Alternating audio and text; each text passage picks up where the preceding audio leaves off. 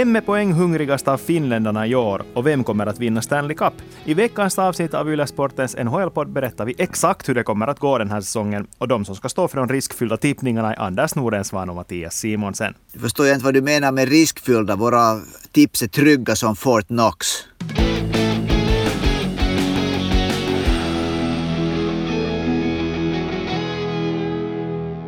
Men Anders, vi ska kanske ändå börja med att be om ursäkt, för förra veckan så snackade vi om de finlandssvenska spelarna och vi missade ett ganska självklart namn. Det var många av er som hörde av sig genast efter avsnittet och undrade var Leo Komarov var. Varför snackar vi inte om Leo Komarov? Och det gick helt enkelt så att vi glömde bort att det finns en annan finlandssvensk Islanders-organisation också. Robin Salo snackar vi mycket om, men inte om Leo Komarov och det kan vi bara be om ursäkt för. Alltså det är ju så här att den som är allra närmast, det allra mest tydliga, så ser man inte så att det där verkligen verkligen, vi skäms och vi ber om ursäkt där eh, Leo Komarov är ju en legendar inom den finlandssvenska ishockeyn. Men i ärlighetens namn så finns det ju inte heller så värst mycket att säga om Komarovs situation just nu. Man visste redan inför säsongen att han fortfarande har samma plats i Islanders som han hade för exakt ett år sedan, nämligen lite sådär att man inte riktigt vet om han har en plats i truppen. Att han, han spelar ju i slutspelet i första kedjan, men det var helt bara på grund av att Anders Lee, lagkaptenen, var skadad. Nu är Anders Lee tillbaka. Det finns inte ett hål att fylla i truppen längre, så nu är han mer en sån här överloppsspelare som inte riktigt ryms i de här lägre kedjorna heller. Nej, det är just så som det om, om det inte händer något överraskande, vilket det ju alltid händer under en säsong, det blir skador och, och alla möjliga motgångar, så kommer nog Leo Komarov att få checka antagligen ganska mycket pop popcorn den här säsongen. Mm. Och till exempel The Athletic har rankat Komarov som den mest sannolika spelaren att bli tradad i Islanders under den här säsongen. Han har en väldigt hög lön. Jag, jag tycker inte själv att det låter så jättesannolikt, men vem vet? Nej, det, det, det, där, det, det skulle vara nog kul om han skulle få spela en del för att Leo Komarov var ju med igen i det här snacket. Han har meddelat att han är igen färdig att representera Lejonen och vi vet alla vilken turnering här om äh, fyra månader redan är igång och, och det där svårt har han ju att, att, att visa att han är värd en plats i Lejonen om han inte får spela. Men ska vi ta itu med dagens ämne då istället? Spåkulan är framme. Vi ska börja titta på hur det riktigt kommer att gå den här säsongen. vi bara alla er som lyssnar komma in med era förslag på vad vi borde snacka om. Och nu måste jag säga att jag åtminstone överraskades av hur många av er det var som ville att vi skulle snacka om Jesse Puljujärvi. Andy, Martin, Gideon, Simon skickade alla in olika frågor om vad vi tror om Jesse Puljujärvis chanser. Så Anders, vad ska vi säga? hur bra kommer den här säsongen att bli för Pulju? Den här säsongen kan bli den riktigt stora säsongen, det riktigt stora genombrottet för Jesse Pulujärvi. Han har varit bra inför säsongen. Han vet nu vad det gäller och som det ser ut för tillfället så kommer han att spela i Oilers första kedja med Connor McDavid och Jack Hyman. Och det är en kedja som ser grymt bra ut. Jesse Pulujärvi har alla, alla chanser nu att äh, verkligen etablera sig som en elitspelare kan man kanske säga i NHL. Ja, Puljärvis statistik från de matcherna där han spelar med Conor McDavid är ju grymt bra. Och det talar ju för en ganska bra säsong om han får fortsätta göra det. Nu ska vi ändå minnas att han enligt åtminstone de nuvarande uppställningarna inte kommer att spela i powerplay tillsammans med McDavid. Men oavsett, i fem mot fem så kommer han att ha, han att ha chanser att utöka sin poängskörd väldigt mycket från de tidigare säsongerna. Men kommer han att göra det? Det är kanske det som är den stora frågan. Kommer han att spela på tillräckligt bra för att spela tillsammans med McDavid hela säsongen? Alltså poäng måste bli, det är hundraprocentigt klart att när han spelar i den där kedjan så måste det bli poäng och det är nog nästan så att det där att han inte spelar powerplay, det får man se sen hur det blir under säsongen. Så det är ju svårt att komma till exempel upp till en poäng per match om man inte spelar powerplay. Men med Connor McDavid som center så inte, inte får man bli heller jättemycket under en poäng per match. Förra säsongen så blev det ju inte resultat tillräckligt mycket. Det såg ofta bra ut men det blev inte resultat på resultat tavlan. Och det måste bli den här säsongen. Det måste synas att, att Jesse Puljärvi har spelat när man ser på statistiken efter matchen. Mm. Äh, hans roll verkar ju lite ha blivit en sån där att han ska stå framför målet och stångas som en buffel. Det är ju det vad man förväntar sig av honom just nu tydligen i Edmonton. Och då är frågan kanske det att räcker det med att vara en sån spelare i första kedjan? Är det en sån som de vill ha där? Vill de att McDavid och Hyman ska få snurra runt i den offensiva zonen och göra vad de vill medan Puljärvi står där framför målet och brottas? Eller hur vill de egentligen att spelet ska se ut? För hittills har han han varit lite endimensionell, det måste vi ju säga. Ja, men det är ju också fråga om just vilka roller man tilldelas. Och nu är ju ändå, skulle jag nu våga påstå att om man tittar på vad Jesse Puljärvi kan göra liksom med puck pucken så är han ju en skickligare spelare än Zach Hyman. Zach Hyman tycker jag mer den här som är som ett lim i den här kedjan som ska, som ska jobba hårt och det där och göra utrymme för de andra. Puljärvi är stor och stark. Han gör det kanske helt av sig själv att han, han skapar ut, utrymme men det där. Mm, jag tror att hans roll blir ju annorlunda i och med att, att det då inte är en kedja med, med Dreisaitl och McDavid utan med Hyman som inte är en utpräglad liksom skicklig spelare. Han är en kampspelare.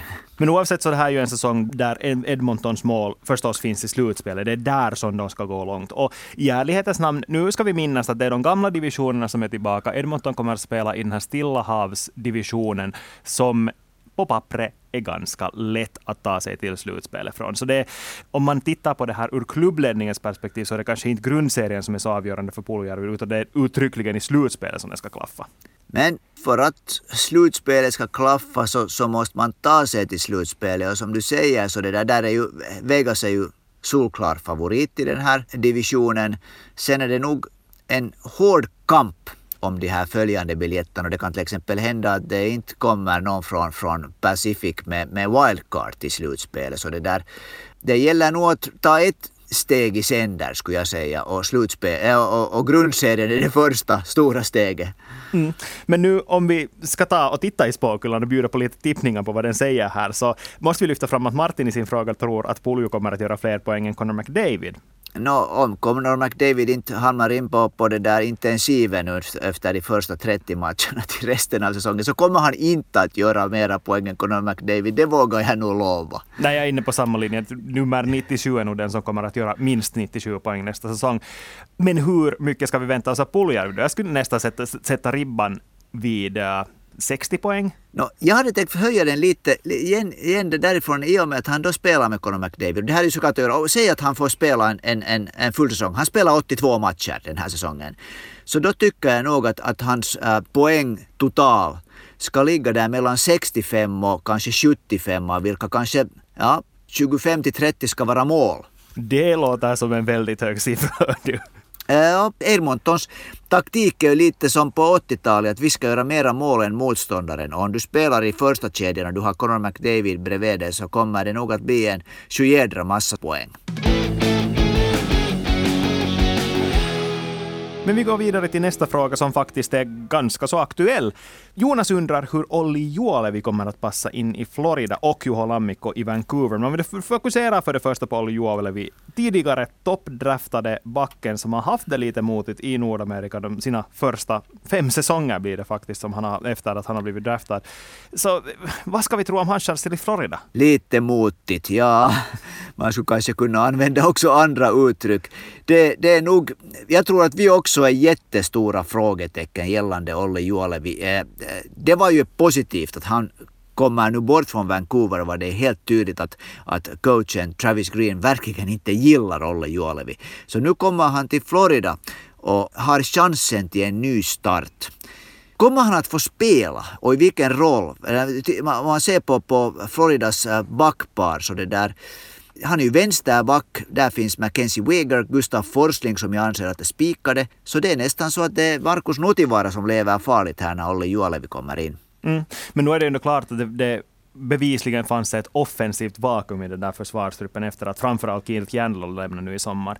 Så jag tror att Florida klubbledningen också insåg att de vill ha en till offensiv spelare eller en back åtminstone med eh, potential att bli en offensiv spelare i NHL. Och det är ju Olli Juolevi fortfarande. Det här tycker jag ju också, men det underliga är att jag har sett ett antal rapporter var, av lokala i Vancouver. Var, där tyckte man att han är mera en sån här spelare som ska utvecklas till en sån här liksom spelas på, på säkerhet. Men jag har helt samma syn som du, att det var ju det här hans offensiva kvaliteter som gjorde att han slog igenom och det var därför han blev draftad nu är det ju det han är en spelskicklig back. Nu är det på något sätt tycker jag att kasta bort honom om han ska göras till en sån här kille som bara spelar på säkerhet och slänger pucken in i rännan. Nej, precis. Inte det är ju som att man draftar en defensiv back som femte spelare i draften. Det, det, det går helt enkelt inte. Och, och, de kvaliteterna som man hade då, de talangerna, den potentialen som fanns, de, den existerar ju fortfarande. Taket är kanske inte lika högt just nu,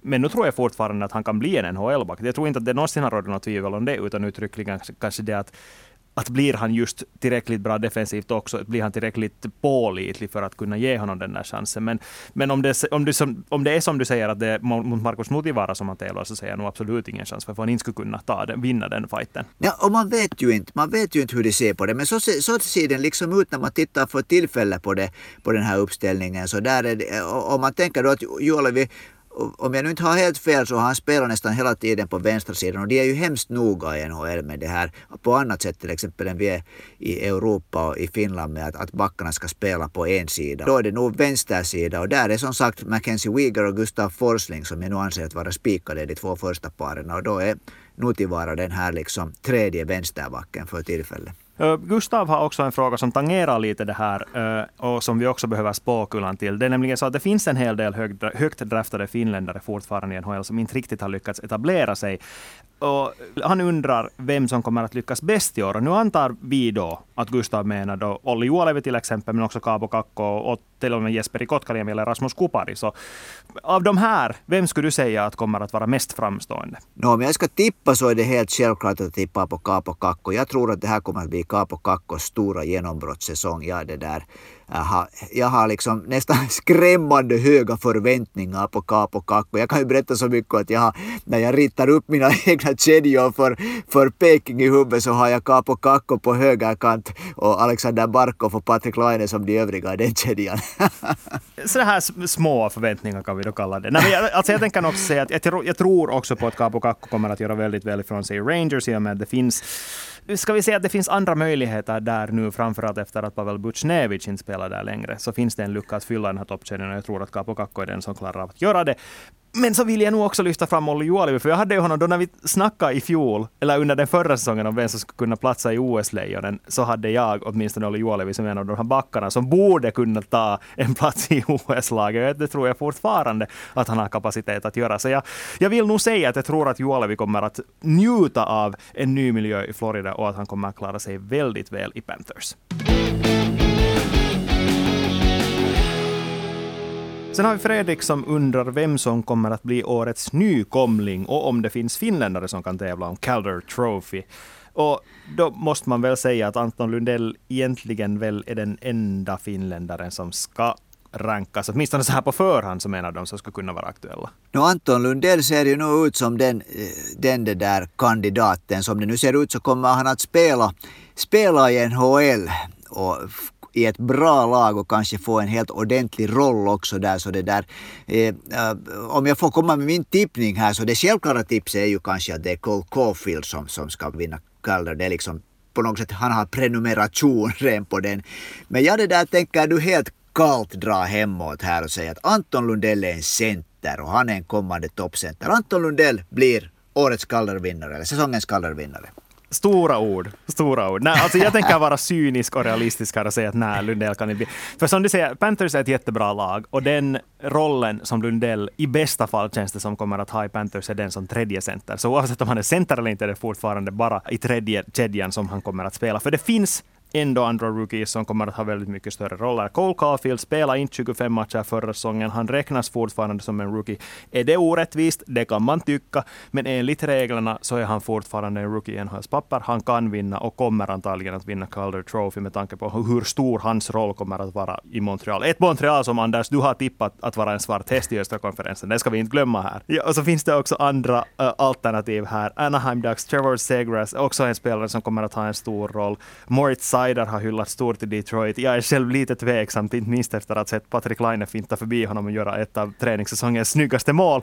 Men den som jag skulle lyfta fram som svarthäst är en annan från Florida Panthers, nämligen målvakten Spencer Knight. För om Sergej Bobrovski är lika usel som han var i slutet av förra säsongen så behövs det att någon annan målvakt stiger fram och då är det Spencer Knight i det här fallet och då skulle han absolut vara aktuell för Calder Trophy också.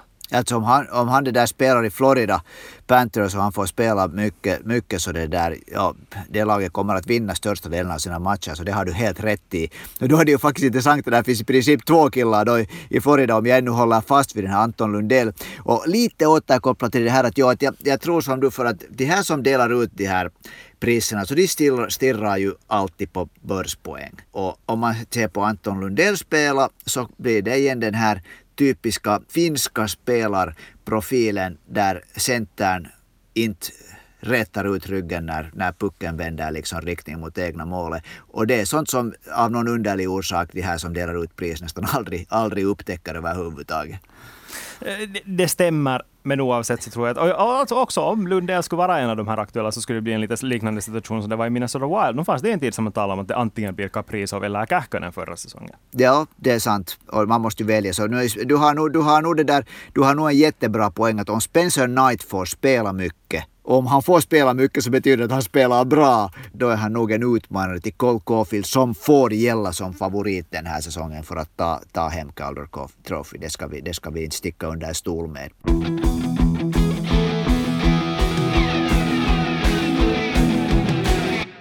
Men sen har vi kommit fram till kanske den punkten som många har sett mest fram emot, nämligen poängligan. Vi har fått in en fråga av Märta som undrar vem som kommer att vinna finländarnas poängliga i år. Och det här är det ju alltid mycket snack om och det finns många förhandsfavoriter. Men Anders, vem lyfter du fram? Vem ska vi slå fast enligt dig att vinna poängligan för finländarnas del? No, jag ser att det finns tre favoriter. Det finns Alexander Barkov, Mikko Rantanen och Sebastian Aho.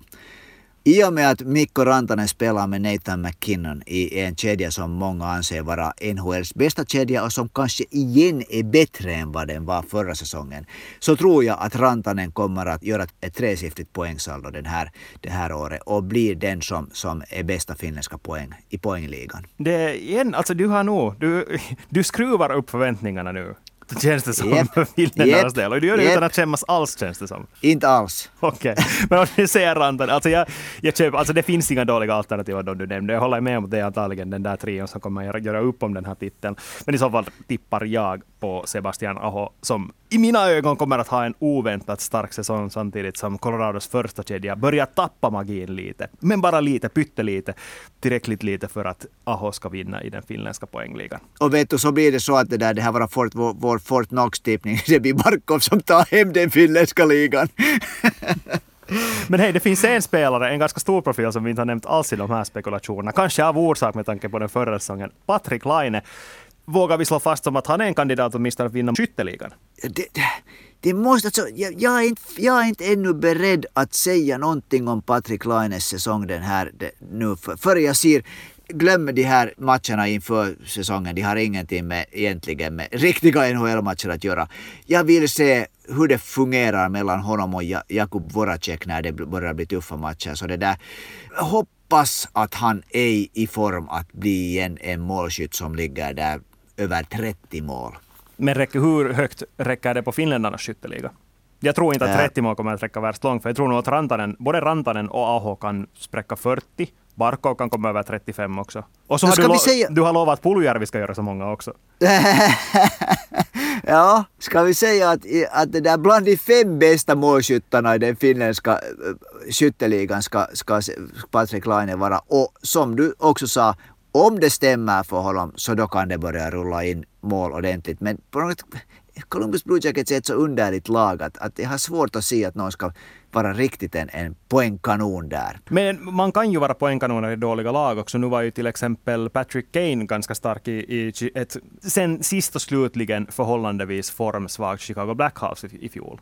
Och det har du rätt i. Och det, sku, det, där, för det, ju, det, det, det, blir ju ofta så att just de här sämre lagen så får, hur ska man säga, deras bästa spelare får lite sådana här eh, gratis börspoäng när, det, när matcherna är lite, hur ska man säga, förbi. De är inte så jämna de där matcherna så blir det inte heller så, så liksom tajt den här hur, hur motståndarna spelar mot de där största stjärnorna. kärnorna. Så det kan ge sån här, det kan ge eh, extra utrymme också. Men, men det vet vi ju alla att om Patrik Laine får det att stämma så jo, 40 mål har han definitivt kapacitet för. Men det är ju inte bara poäng som räknas. Anders undrar vem som kommer att spela mest av alla finländare. Och Anders svarar att det finns, tycker jag, två alternativ och de spelar åtminstone inledningsvis tydligen i samma par i Dallas Stars. Och det är Esa Lindell och Miro Heiskanen. Miro Heiskanen är kanske det eh, valet som jag skulle göra att han spelar eh, mest, men om Dallas spelar grymt mycket boxplay så då kommer Esa Lindell att få helt fruktansvärda minuter. För han är upp, inne på isen nästan hela tiden när Dallas har en man mindre i rinken så det där jag tippar att det blir Miro Heiskanen i alla fall. Mm, vet du, nu måste jag hålla med dig. Jag tror också att det är Miro Heiskanen. Helt av den enkla anledningen att Heiskanen var istidsetta bland finländarna i fjol. Han eh, har inte blivit sämre. Dallas backtrupp har kanske blivit lite bättre, men jag tror fortfarande att Heiskanens roll i den är lika stor som den har varit tidigare. Och det finns inte mer än Rasmus Ristolainen som eventuellt skulle kunna vara den där som man säger att äh, men han spelar ju en halvtimme på match. För det kommer han inte att göra i Philadelphia. Det är positivt för honom. Det är antagligen positivt för Philadelphia. Och eh, positivt för Miro Heiskanen i den här tävlingen åtminstone. Jo, Heiskanen är ju den här killen som kan spela helt grymma mängder i och med att hans skridskoåkning är så ekonomisk. Han sparar energi och älskar att spela mycket. Och nu är han ju, han är ju egentligen han är Dallas största stjärna och det är, nog, det är nog häftigt. Han är en av de riktigt, riktigt stora stjärnorna i hela ligan.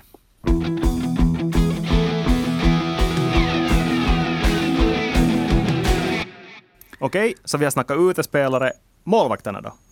Vem kommer att vara den bästa finländska målvakten och målvaktsetta för Lejonen i OS? No, nu är det ju Jose Saros för tillfället som ser ut att vara den killen som har största chansen att ta faktiskt de här båda äh, rollerna och, och det där. Äh, jag, jag har jättehöga förväntningar på Saros säsong. Jag tror att jag tror att det där det som han har visat egentligen, han visade förra vintern men han visade också den vintern 2020 då just före det blev coronaavbrott att när han är på toppnivå så, och han kan hålla den toppnivån länge så är det nog inte många målvakter på den här planeten som är bättre än han. Eh, nej, alltså ja. Helt, om man tittar på kall fakta så är det så att Jose Saros är den enda finländska första målvakten i NHL just nu. Så allting talar för att det är han som kommer både att vara bäst och han som kommer att starta för Lejonens del i OS. Men så ska vi ändå minnas att Nashville blev jättemycket svagare i sommar. Det här är inte ett bra Nashville Predators som har en Jose Saros mellan stolparna. Det är en Jose Saros som kommer att ha det väldigt svettigt flera kvällar i NHL den här säsongen. Och däremot tror jag att Kevin Lankinen kommer att spela närmare 50 procent av alla Chicago Blackhawks-matcher oavsett om Marc-André Fleury är där. Och om han gör det bra i ett Chicago Blackhawks som kan ta väldigt stora steg framåt. Vi ska inte glömma att Jonathan Taves också är tillbaka i det laget. Så tror jag också att Lankinen kan vara den som eh, stiger fram som den stora finländska målvakten den här säsongen. Och så vill jag slänga in en svart häst här som vi inte har diskuterat, tror jag, alls i podden hittills. Ukko-Pekka Luukkanen i Buffalo Sabres. Ett Buffalo Sabres med en alldeles usel målvaktstrupp och en Luukkanen som redan fick spela lite förra säsongen. Ja, jag hoppas att det inte förstör hans självförtroende med att sätta honom och spela nu i det där Buffalo Sabres allt för, allt för mycket. För dit vinner nog puckar in i det målet och går helt fruktansvärt. Nashville är nog liksom, Nashville är ju ett topplag bredvid det vad Buffalo är. Det där, jag, jag, jag måste lite kommentera det här att jag, jag tror tyvärr, den uppfattningen som jag nu har fått är nog att, att när man har fått Marc-André Fleury till Chicago och de här NHL-reglerna, eller ska vi säga de oskrivna reglerna i NHL är sådana som de är, så tror jag jag tippar att, att det nog blir betydligt mera Marc-André Fleury-kvällar i Chicago än vad det blir med Kevin Lankinen. Så där skulle jag lite opponera mig mot att han kommer att få spela lika mycket som Fleury. Det tror jag inte. Men jag hoppas såklart att jag har fel än en gång. Nej, alltså, jag, jag vet bara att din spåkulla har något fel, för det, det stämmer inte. Din är från Schweiz. Men, men jag skulle ännu vilja lyfta fram en målvakt som vi inte har sett mycket av under flera år egentligen. Och det är Antti Ranta. Antti Ranta har alla chanser att göra en kanonsäsong om han hålls frisk. För där är inte klart. I Carolina är det inte, skulle jag säga, alls självklart att det är Fredrik Andersen som är första målvakt. Nej, inte överhuvudtaget. Där om någonstans tror jag att det kommer att vara en 50-50 situation, åtminstone inledningsvis, där Ranta faktiskt kämpar om att bli den där helt klara målvaktsettan, eftersom jag tycker inte att Andersen alls har varit övertygande de här senaste säsongerna. Ranta har ju ändå bara haft skadeproblem. Det är inte, inte ett litet endast som man använder där, utan nu är det ganska stora frågetecken som fin, finns runt honom. Men klart han kan göra en jättebra säsong. Och så måste vi också minnas att Kaapo Kähkönen, det är mycket som talar för att han kommer att vara minst lika bra i år. Just det, och han kan, han kan knipa första sparen i Minnesota. Det kan helt väl hända att Minnesota har den planen att där spelar man faktiskt med en ordentligt liksom en, en målvaktstandem med, med, med liksom 50-50.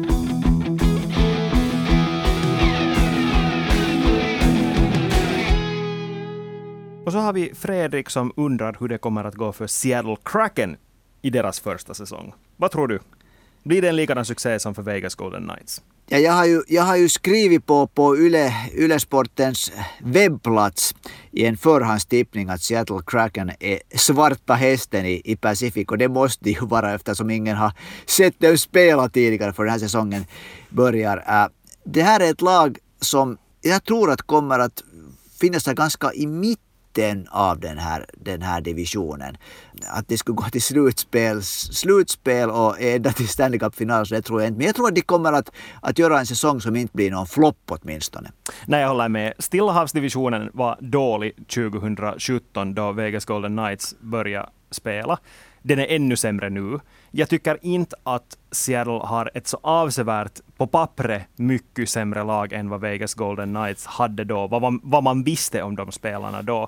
Det som däremot ett frågetecken för mig är vem som kommer att kliva in och bli den här första centern. För Vegas hade ändå William Karlsson som tog den rollen på sig, tog det ansvaret på sina axlar och blev den här första centern. Visa egentligen det som, som Jarmo Kekäläinen visste att han kunde bli, att han kunde bli en sån här första center i NHL och gjorde det direkt. Jag tror inte att det finns en sån i Seattle och det är kanske deras största problem. Men med det sagt så är, så är den här Pacific-divisionen så otroligt dålig där finns lätta poäng att plocka av. Av alla de här kaliforniska lagen. San Jose är uselt, Anaheim och Los Angeles är också dåliga. Nej. De kan helt hur bra som helst vara med och fighta som en wildcard-plats. Och det som ju är, är det där talar för att de kan göra en helt okej säsong är att de har bra backpar och de har två riktigt bra målvakter. Och det är, det är någonting att, att, att börja bygga på i NHL. Att, ha, ha, liksom, att, att försvaret fungerar.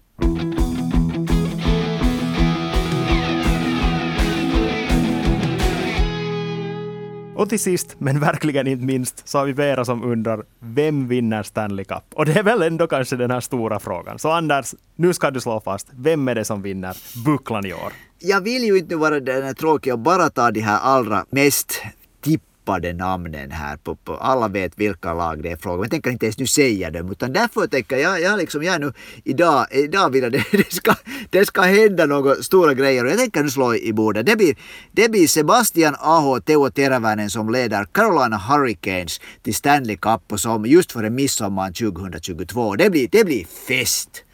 Mm, ja, alltså fest blir de inte Carolina, för det är nog verkligen inte Jag tror inte ens att de kommer att gå förbi den andra slutspelsomgången i öst. Det finns helt för många frågetecken kring dem. Det, det är bara så. Min spåkula säger däremot att Colorado Avalanche nu är redo att ta det nästa steget, vilket i deras fall innebär att gå faktiskt hela vägen. För det är nu bara så, de här, de här jämförelserna mellan Nathan McKinnon och NBA-legendaren Michael Jordan. Man kan inte dra dem ur tomma inte. Det är nu bara så att han är en sån som vill vinna, han tänker vinna och den här säsongen så kommer han att vinna tillsammans då i första kedjan med bland andra Mikko Rantanen. Ingen dålig tippning, ingen dålig tippning. Jag håller fast vid Carolina. Och med de sanningarna tar vi och sätter punkt för det här avsnittet av Yle Sportens NHL-podd. Vi är tillbaka igen nästa vecka och då vet vi hur det har gått i de första matcherna den här säsongen. Spännande. Tack och hej.